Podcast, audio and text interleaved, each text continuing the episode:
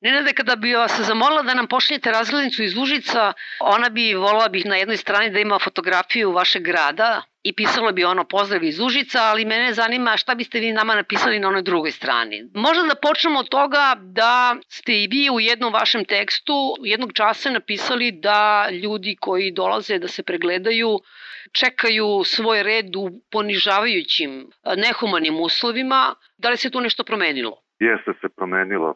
E, to je bilo, čini mi se, u julu, kada su bile visoke temperature i ispred COVID ambulanti jedna je u centru grada, a druga je u infektivnom odeljenju Užičke bolnice. I to je bio stvarno nehuman prizor videti ljude pod temperaturom, na vanjskim temperaturama koje su išle preko 30 stepeni i više, da ne mogu da se zaklone od sunca, da ne mogu da sednu. Ja sam pisao o tome i bio sam u sukovu sa delom poslovodstva Uprave zdravstvenog centra Užice. U jednom trenutku direktor centra na moje pitanje kada će humanizovati prostor ispred tih COVID ambulanti, u jednom trenutku on je meni rekao nemojte da izmišljate. Tu su bile ostale kolege sa svih lokalnih i regionalnih medija, lekari iz Zavoda za javno zdravlje i predstavnici grada i zamislite niko nije reagovao i rekao o tom gospodinu novinar ne laže, svi smo svedoci da ljudi satima čekaju ispred ambulanti po suncu, drugo, gubila se dokumentacija, treće, gubili su se i uzorci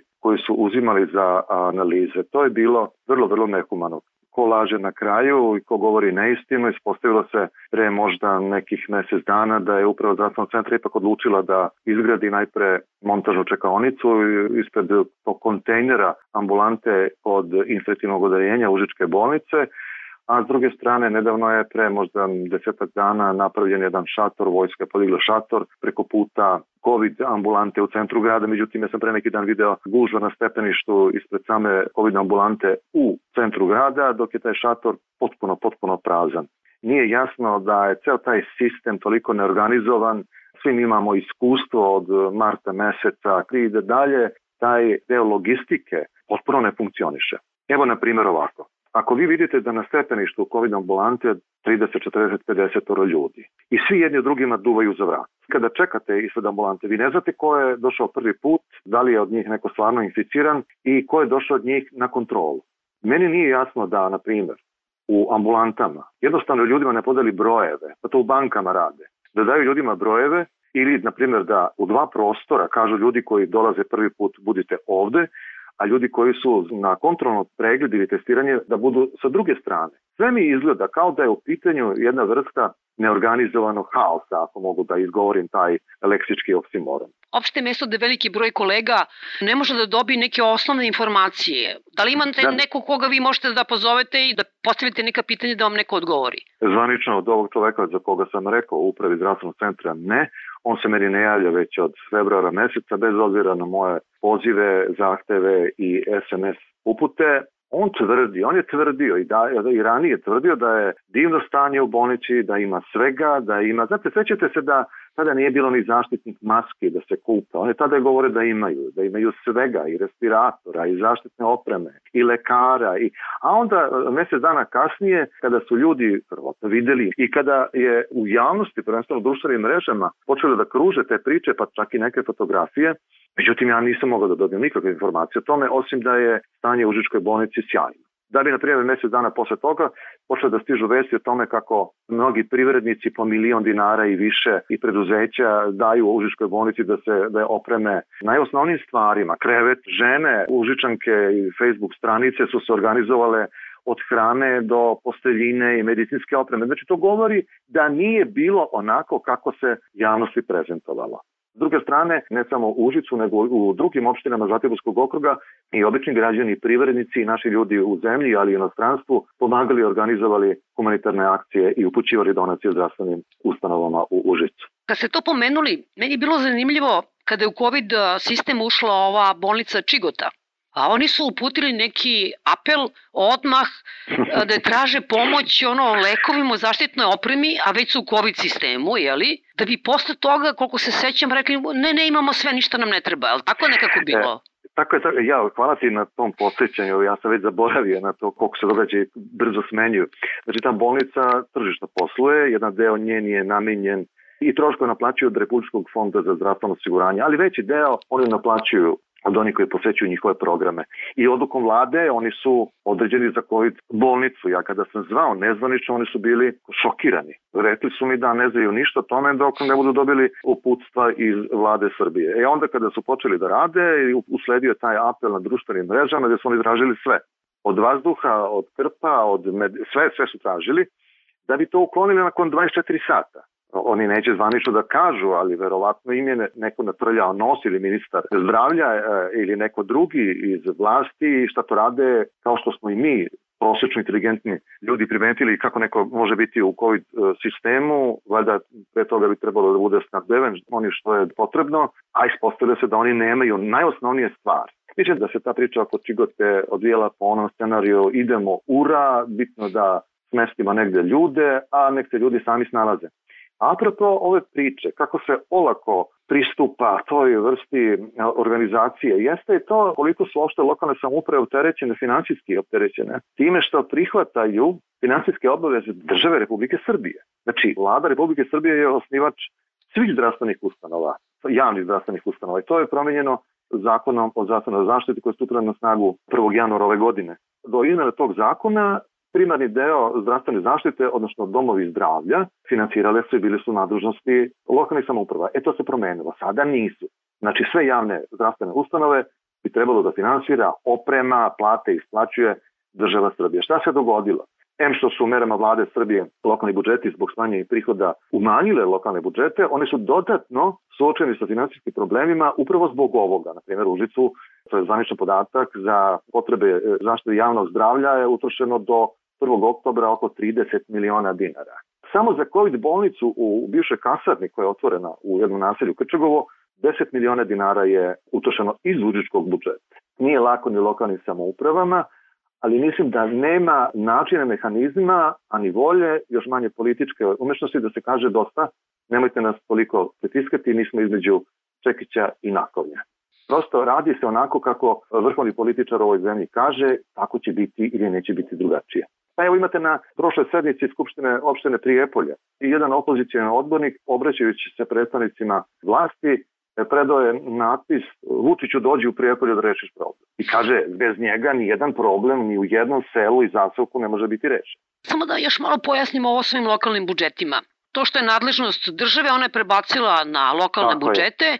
koji inače imaju smanjene prihode, naravno znamo Tako zbog je. čega, zato što se manje ubiraju porezi i tako dalje. E sad, jasno mi je da je vaša gradonačelnica, koja je uzgled bude rečeno do, do juče bila direktorka Užičke bolnice, zar ne? Tako je. I to Tako u tom je. periodu kada mnogo toga nije funkcionisalo. Da oni ne smeju, njih je Vučić postavio i onda oni ne smeju ni da se bune, u stvari što moraju da iz lokalnog budžeta izdvajaju novac. Ali, kako da kažem, ako oni izdvajaju tih 10 miliona koje ste rekli za privremenu COVID bolnicu, to je manje novca za neke elementarne stvari onda u, u tom gradu vašem, ili tako? I pa naravno, pa naravno da je manje investicije u vodovod, u, u ulice, u, u sve ono što čini nadležnost e, lokalne samuprave da bi trebalo da uradi. Što se tiče gradonačnici, ja moram tu dve stvari da istaknem.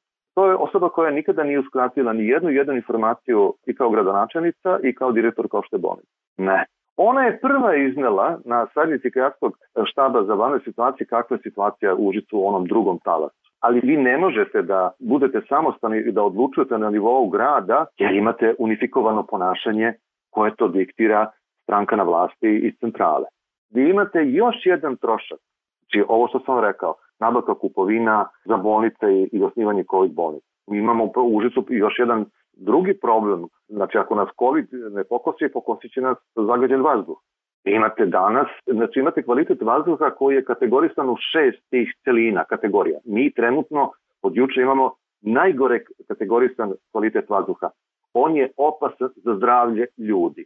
Znači, da, vi ste onako u rupi, nekako nemate čak ni pa, tu prirodnu ventilaciju kao što recimo Tako mi je. danas imamo košavu, odnosno vetar. Tako je, e to je taj mordor na zapadu Srbije, imamo tu rupu kojoj e, nedostaje prirodne ventilacije, međutim stručnjaci kažu da je osim tog fenomena i da je problem i 16.000 individualnih ložišta koja koriste energente koji nisu ekološki prihvatljivi i onda i grad pokušava da motivišete ljude subvencijama iz budžeta da kupuju kotlove na gas, pelet, da menjaju stolariju, da menjaju termoizolaciju na fasadama i tako. To ide ne baš očekivano, niti je neke veće promene moguće primetiti evo iz godine u godinu. Međutim, oni nude svoju statistiku o smanjenom broju dana sa zagađene vazduhom.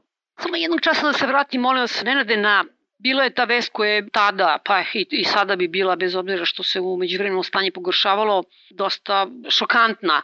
A to je da je dvoje pacijenata koji su iz Sjenice u teškom stanju doveženi u bolnicu u Žičku, da su vraćeni i oni su veoma brzo umrli. I vaša tadašnja direktorka bolnica, sadašnja gradonačelnica je rekla da će se ispitati odgovornost koje je te ljude u tako teškom stanju vratio. Kakav je pilog toga? Taj folder i taj problem sa tim ljudima je na mom desktopu. Ceo predmet je u tužilaštvu. Ali ono što je tu sporno jeste sledeće. Znači, ljudi su došli u teškom stanju, vraćeni su i na otpusnoj listi, to je zanimljivo, na otpusnoj listi je piše da lekar koji je otpustio to dvoje pacijenata, da je on to uradio po naređenju direktora zdravstvenog centra. Ovo što je vas, što vama rekao da izmišljate, da... Tako je, taj što je rekao da ne bi trebalo da izmišljam. Znači, lekar koji je e, pregledao pacijente, to piše, to sam ja objavio, da je on to uradio po nalogu. Naravno, direktor zdravstvenog centra demantuje i kaže da on nije ni infektolog, ni ne znam šta, da on to sebi ne može da priušti, jer da je reagovao i mislim da je Ljajić, tadašnji ministar, reagovao da, i rekao da je to da se radi valjda o nesporazumu. Nema dvoje ljudi, vi da to objasnite rečenicom, dogodio se nesporazum. Usred e, pandemije i svega toga što vi govorite, bili su oni protesti koji su trajali danima i tu je nekoliko ljudi bilo uhapšeno, bili su i u zatvoru, u pritvoru. Koliko se sećam, neka čak devojčica je bila privedena od 15 godina i to zato što su gađali valjda Vučića poster jajima, ali tako? Da, e sad, to se završava kako? Završava se tako što su neki od njih pušteni, neki su kaženi uslovnim kaznama, zato što su priznali to krivično delo. Advokati mi govore da tu apsolutno ne može biti krivičnog dela. Nekoliko ljudi mladih je bilo tokom protesta, e, jedan od 5 miliona, čini mi se to je bilo letos ili tako nešto, koji su šetali gradom i onda su u jednom trenutku bacali farbu i jaja na ogromni poster Aleksandra Vučića u centru grada iznad prostorija Srpske napredne stranke koje se nalaze u hotelu Zlatibor. Znači to je u centru grada. Oni su zasuli taj baner jajima i farbom i niko od njih ne beži da je to uradio. Ja sam čak razgovarao sa jednim pukovnikom u penziji koji je bio bivši komandant e, vojnog aerodroma tu na Ponikvama, koji je pozvao nadleže da njega saslušaju jer je on organizator i on je to radio. To je Dragan Krsmanović. Međutim, zanimljivo je da protiv njega niko, niko ne podnosi prijave, niko ne poziva na razgovor u policiji. I kad ga pitam ja kako to tebe niko ne zove, on kaže pa kako da zovu pukovnika Vojske Srbije, kako da zovu ratnim komandantom u stvari e, aerodroma Ponika. Mada on se sam ponudio i oštro, oštro, oštro uputio pismo Aleksandru Vučiću i državnim organima da i njega privedu i da im on objasni zbog čega je to uradio. Ako su oni bili u pritvoru i ako su osuđivani ili makar u prvom mhm. stepenu na kazne zatvora, uslovno, ali da. onda oni to moraju da tretiraju kao otprilike krivično delo, mislim, bacanje jaja. Upravo tako. Oni su to, ja sad ne mogu da sjetim kvalifikacije, ovaj, ali oni su to... nasilničko ponašanje, ili tako e, nešto? Tako je, tako je, bravo. Znači, oni su to kvalifikovali kao krivično delo. To je problem. Vjerovatno su snimali te ljude kamerama. Čujem da je većina njih priznala to, neki nisu, advokati njihovi govori, ovi koji su priznali da su to oni radili pod pritiskom, ne bili dobili manju kaznu i dobili su uslovne kazne. Da se ne sekira mnogo, da li je taj poster vraćen? Da, poster je skinut. Članovi napredne stranke u gradu su pokušali da ga operu. E, očiste, međutim, kako nisu, oni su stavili potpuno ganj novi poster i evo sada šef dominira celim trgom kako se Užičani obaveštavaju o tome šta se dešava u gradu? Šta im je na raspolaganju uopšte od medija? Ima to nekoliko radio stanica, jedna televizija i more e, sajtova. Međutim, to je toliko o, unisono izveštavanje, blisko lokalnoj vlasti, da je to prepoznatljivo. Naravno, oni iz budžeta i na tome zahvaljuju na onim e, konkursima za sufinansiranje projekata i to je jedan začarani krug Da li se kod vas dešava ono što sam videla da se dešava po Srbiji, a to je da recimo da neke lokalne ba, samouprave ili neki gradovi finansiraju recimo neke tabloide iz Beograda, a neće svoje lokalne medije? Pa kako da ne, iz užičkog budžeta, mislim, prošle ili ove godine finansiran je Alo ili tako neke, da ne zaboravim to da kažem, Užička nedelja, a znam da je organizovala i one tribine Peščanika tako u gradu. Je, tako da je, mi smo bile, sarađivali, jeste. Da su bile te tribine vrlo posećene, pa ne postoji više štampano izdanje Užičke nedelje. Prosto nema ga. Njih je prvo počela i načela korona, a kako bi se to rekli, ekser u Kočeg je iz lokalnog budžeta zato što nisu dobijali podršku za svoje projekte. I na kraju, Nenade, da vas pitam, šta recimo vas najviše brine u ovim mesecima koji slede? Prioriteti se menjaju kada Jasno. nije bilo kada nije bilo epidemije, e, grad je muku mučio, ali mislim da muku tu muče i većina ovakvih gradova u Srbiji, odliv stanovništva, ne samo ka Beogradu, Novom Sadu, nego i ljudi se iseljavali u inostranstvo. Mladi se ovde ne vraćaju kada završe fakultet.